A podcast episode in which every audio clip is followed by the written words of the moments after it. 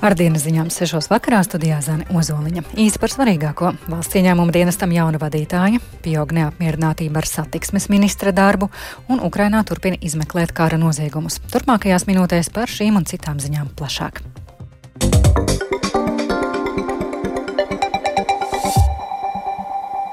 Korupcijas uztveres rādītājs Latvijā nedaudz uzlabojies, taču progress ir lēns. Tā secina sabiedrībā par atklātību dēlna. Latvijai izdevies pakāpties uz 36. vietu starp 180 pasaules valstīm. Eksperti tomēr atzīst, ka darāmā joprojām ir ļoti daudz un straujākiem uzlabojumiem nepieciešama gan politiskā griba, gan aktīvāka privātā sektora iesaiste. Vairāk par tematu stāsta Paula Dēvica. Rādītājs joprojām ir zemāks nekā Eiropas Savienībā vidēji. Jāņem gan vērā, ka Eiropas Savienība ir no korupcijas visbrīvākais pasaules reģions.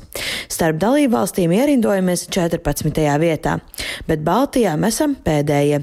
Nedaudz mūs apsteidz lietuvieši, bet Igauniem izdevies pamatīgi atrauties, un Igaunija ieņem augsto 12. vietu pasaulē. Sabiedrībā par atklātību dēlna skaidro, ka Latvijas progress ir pārāk lēns, turpina direktore Inese Inese Tauriņa. Mēs noteikti varam labāk, un atbildi šeit ir divas. Viens ir tāpēc, ka mēs redzam, ka mūsu citas Eiropas Savienības valsts arī uzrāda labākus rezultātus. Eiropas Savienības un OECD vidējais rādītājs ir labāks, bet vēl mēs varam labāk, jo mēs zinām konkrētus darbus, kas ir jāizdara gan valdībai, gan lēmumu pieņēmējiem, kurus vajadzētu izdarīt. Līderos ir Dānija, Somija, Jaunzēlande, arī Norvēģija un Zviedrija un citas attīstītās valstis. Taču korumpētāk Bagātākās valstis pasaulē ir Somālija, Venecuēla un Sīrija. Dēlnai gadu sniedz rekomendācijas, kā rezultātu uzlabot, tomēr tās fundamentāli nav mainījušās, jo nopietni uzlabojumi ciņā ar korupciju nenotiek, tā vērtē eksperti. Viena no būtiski uzlabojumām lietām ir likumi. Daži jāievieš, citi jāuzlabo. Piemēram, būtisks ir pērn ieviestais lobēšanas atklātības likums. Tomēr joprojām ir daudz neskaidrību, kā praktiski likuma normas izpildīt. Turpina Dēlnes padomas priekšsēdētāja Evita Goša. Ēnu ekonomikas apkarošanas kontekstā mums tikko ir taps plāns. Korupcijas kontekstā mums arī ir plāns, bet kopumā mēs zinām arī to, ka, man, manuprāt, gadu vai divus mums nebija nekāda plāna, ja, un tur mēs skaidri un gaiši redzējām to, ka trūkst politiskās gribas šos jautājumus risināt. Un atkal mēs atgriežamies pie ēnu ekonomikas. Tur arī gadu gaitā mēs esam redzējuši politiskās gribas trūkumu, meklēt būtiskus risinājumus. Tātad būtiska loma ir politiskajai gribai. Eksperti uzsver arī publiskā un privātā sektora atbildību, proti uzņēmumos jāveicina nulles tolerances kultūra un caurspīdīgums. Akciju sabiedrības valsts nekustamie īpašumi valdes priekšsēdētājs Renārs Griškevičs skaidro, ka, lai uzlabotu iekšējo kultūru uzņēmumos, nepieciešams spēcīgs līderis, kurš var paust stingru pretkorupcijas nostāju. Nu, ja vadība netic korupcijas eh, novēršanas riskiem, nulles tolerancei un citām vērtībām, ļoti grūti būs panākt jebkāda veida pārmaiņas arī šo. Un tālāk jau mēs runājam par procedūrām, eh, politikām, kontrolas mehānismiem. Latvijas Nacionālajā attīstības plānā ir izvirzīti mērķi jau nākamajā gadā korupcijas uztveres indeksa rezultātu palielināt par četriem punktiem, bet 2027. gadā par septiņiem punktiem. Taču skatoties progresa tempu, tas visticamāk nebūs iespējams. Tā tā vērtē eksperti. Paula Dēvica, Latvijas radio. Ministru kabinets valsts ieņēmuma dienesta ģenerāldirektora samatā apstiprinājis Baibu Šmiti Roķi.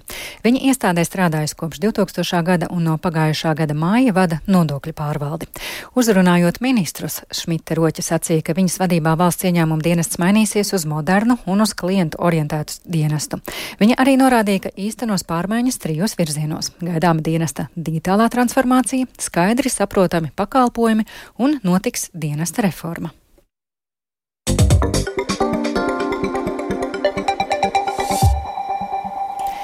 Dažādu samilzušo problēmu dēļ aug neapmierinātība ar satiksmes nozares politisko vadību. Viens no jautājumiem, kas situāciju sāsinājis, ir problēmas ar jaunajiem elektrovilcieniem.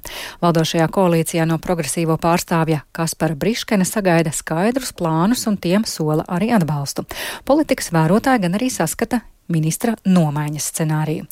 Vairāk Jāņa Kīņša sagatavotajā ierakstā.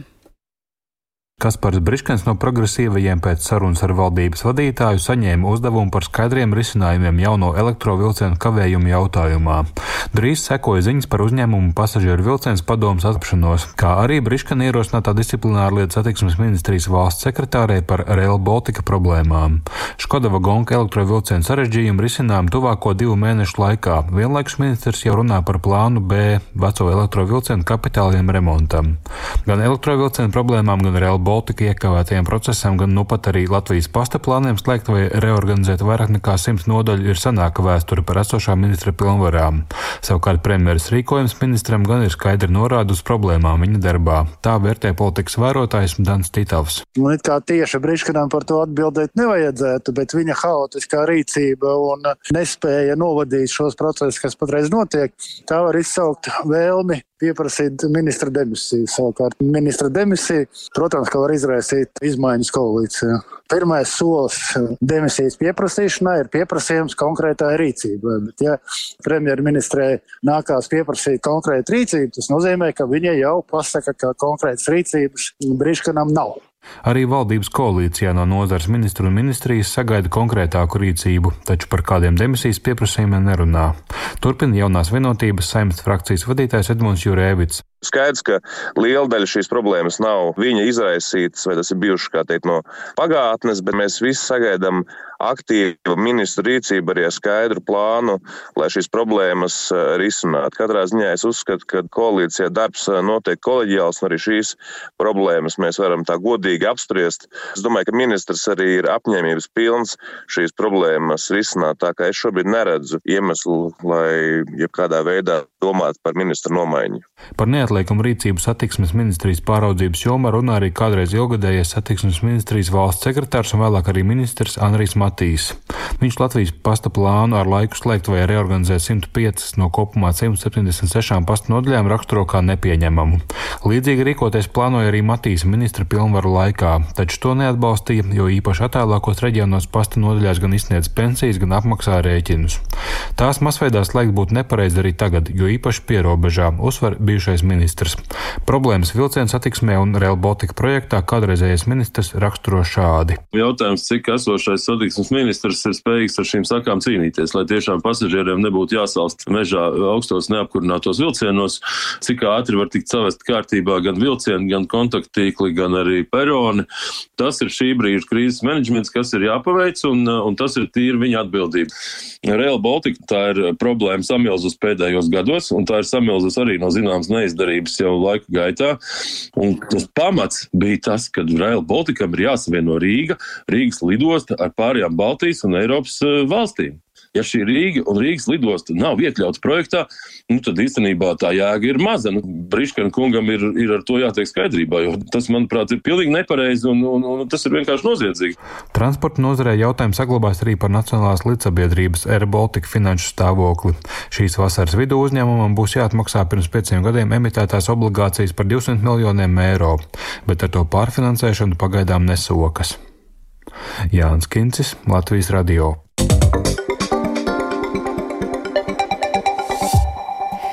Rīt un parīt vizītē Latvijā uzturēsies Ukrainas pirmā lēdija Olena Zelenska. Viņa piedalīsies starptautiskā konferencē Krievijas karš pret bērniem, kā arī tiksies ar Latvijas augstākajām amatpersonām, nevalstiskajām organizācijām un Ukrainas bēgļiem Latvijā. Jau pusotru gadu dažādas nevalstiskās organizācijas Ukrainā apkopo informāciju par Krievijas armijas pastrādātajiem kara noziegumiem. Deokupētajās teritorijās šobrīd apzinātas vairāk nekā 400 civiliedzīvotāju un gūstekņu spīdzināšanas vietas. Ukrainas ģenerālprokuratūras pārstāvis Aleksandrs Zivs teica, ka šobrīd aizdomās turamais Turamās personas status ir gandrīz 200 cilvēkiem, un ir jau 46 tiesas spriedumi, kas stājušies spēkā. То ми рухаємося в цьому напрямку. Тільки за цей місяць мої колеги з офісу генерального прокурора. Mēs strādājam tajā virzienā. Šajā mēnesī viena mani kolēģi no ģenerāla prokurora biroja informēja par apsūdzībām 11 cilvēkiem. Tāpat arī kolēģi no reģionālajām nodaļām, tie, kas visvairāk cieta no bruņotās agresijas, tas ir Harkivas apgabals un Helsonas apgabals. Viņi izmeklē, viņi strādā ar materiāliem, tajā skaitā ar tādiem, ko iesniedz nevalstiskās organizācijas. Tie nekalpo kā pierādījumi pierādījumi kā tādi, bet tā ir papildus informācija par tām vai citām personām, kas veikušas spīdzināšanu Helsonas apgabalā, Mikolājevā, īslaicīgi okupētajā Kīvas apgabalā. Visos apgabalos, kur ienāca Krievijas karaspēks, ir konstatētas spīdzināšanas epizodes. Visvairāk šādu gadījumu apzināts Harsonas apgabalā, otrajā vietā Kievas pievārte. Kāra nozieguma apzināšanā iesaistījies liels skaits Ukrainas nevalstisko organizāciju.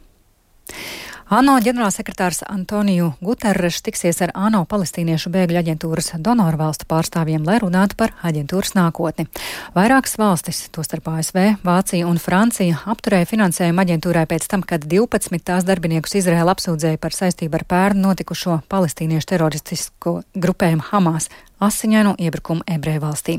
Par spīti tam Guterres cer, ka bēgļu aģentūra varēs turpināt darbu, tā paziņoja viņa pārstāvis Stefans Dužariks.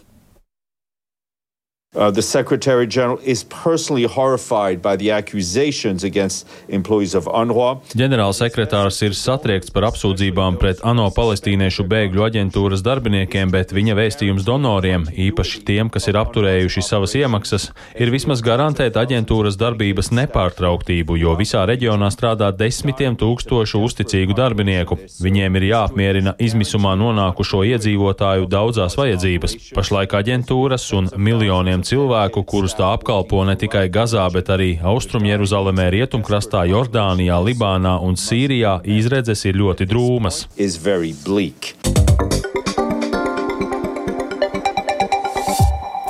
Oficiāli apstiprināta jaunā Liepājas teātra valde. Valdes locekļa pienākumus administratīvajā un saimnieciskajā jomā no 1. februāra sāks pildīt bijusī Liepājas teātra valdes locekle Eva Ciekurze. Savukārt par Liepājas teātra valdes locekli mākslinieciskajā jomā apstiprinās režisors Valters Sīlis. Kandidātu atlase notika jau pirms dažām nedēļām, taču šodien gala lēmumu pieņēma kapitāla daļu turētājs Liepājas pašvaldība. Notikušās pārmaiņas Liepājas teātrī skaidro Liepājas domas pārstāve Zita Lazdāne. Pērnā gada rudenī iepriekšējai Līpās teātra valdē Evai Cīkusdēm Herbertam Augstēnam beidzās pilnvaru termiņš un tika sludināts atklāt konkurss. Un vairākus mēnešus pagaidu valdes locekļu amata pildīja Eva Cīkusdēm koncertās lielais zinkars vadītājs Timurs Tomsons. Ņemot vērā, ka Līpājas teātris pieder pašvaldībām, pašvaldība ir kapitāla daļu turētājs arī šodien tika pieņemts gala lēmums par jauno valdi, un Vāters Sīls Revu Ciekurzi sāks darbu 1. februārī. Latvijas vīriešu florbola izlase šodien Liepājā aizvedīja pirmo kopīgo treniņu pirms pasaules čempionāta kvalifikācijas turnīra, kas sāksies jau rīt. Latvijas pretinieces apakšgrupā būs Lihtenšteina, Vācija un Islanda, bet citā Liepājas apakšgrupā spēlēs arī Somija, Igaunija, Francija un Nīderlande. Ceļazīmes uz pasaules čempionātu iegūs četras no astoņām komandām. Latvijas izlasē šis ir pirmais pasaules čempionāta cikls Somu galvenajam trenerim Heiki Lūkonenam. Par sadarbību ar Somu speciālistu stāsta Latvijas izlases treneris asistents Aigars Belasovs. Kā treneris viņu raksturotu kā labu komunikātoru, kas māk runāt ar spēlētājiem un māk izstāstīt viņu lomu, viņu uzdevumus, tā kā, kā tas viss un māk veidot to atmosfēru komandā. Redzēs, kā tas viss izvērtīsies rezultātā, bet uh, liekas, ka uh, vajadzētu būt labi. Nu, noteikti, ka grupas turnīrā Vācija būs galvenā spēle, esam uh, skautojuši spēlētājus. Noteikti, ka uh, viegla spēle nebūs, bet uh, es domāju, ka mēs esam favorīti. Un izskan dienas ziņas sešos vakarā. Pie mikrofona Zani Ozoliņa redzījuma producents Viktors Pupiks, ierakstus montēja Uldis Grīnbergs un pie skaņa pults Mārtiņš Paeglis. Vēlreiz īsi par svarīgāko. Valsts ieņēmuma dienestam jauna vadītāja, pieaug neapmierinātība ar satiksmes ministra darbu un Latvijā ieradīsies Ukrainas pirmā lēdija. Yeah.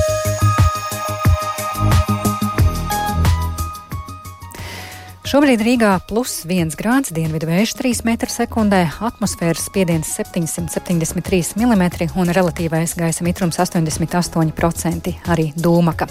Bet par laiku turpmākajām dienām stāsta sinoptiķe Ilze Golubeva. Trešdien debesis pārsvarā aizklās mākoņu un naktī vietām, bet dienā daudz vietā atnesīs lietu. Pušot lēnam vējam, veidosies migla un gaisa temperatūra naktī būs no plus 3 grādiem jūras piekrastē līdz mīnus 3 grādiem valsts austrumos. Savukārt dienā termometrs stabiņš pakāpsies līdz plus 1, plus 5 grādu atzīmēji.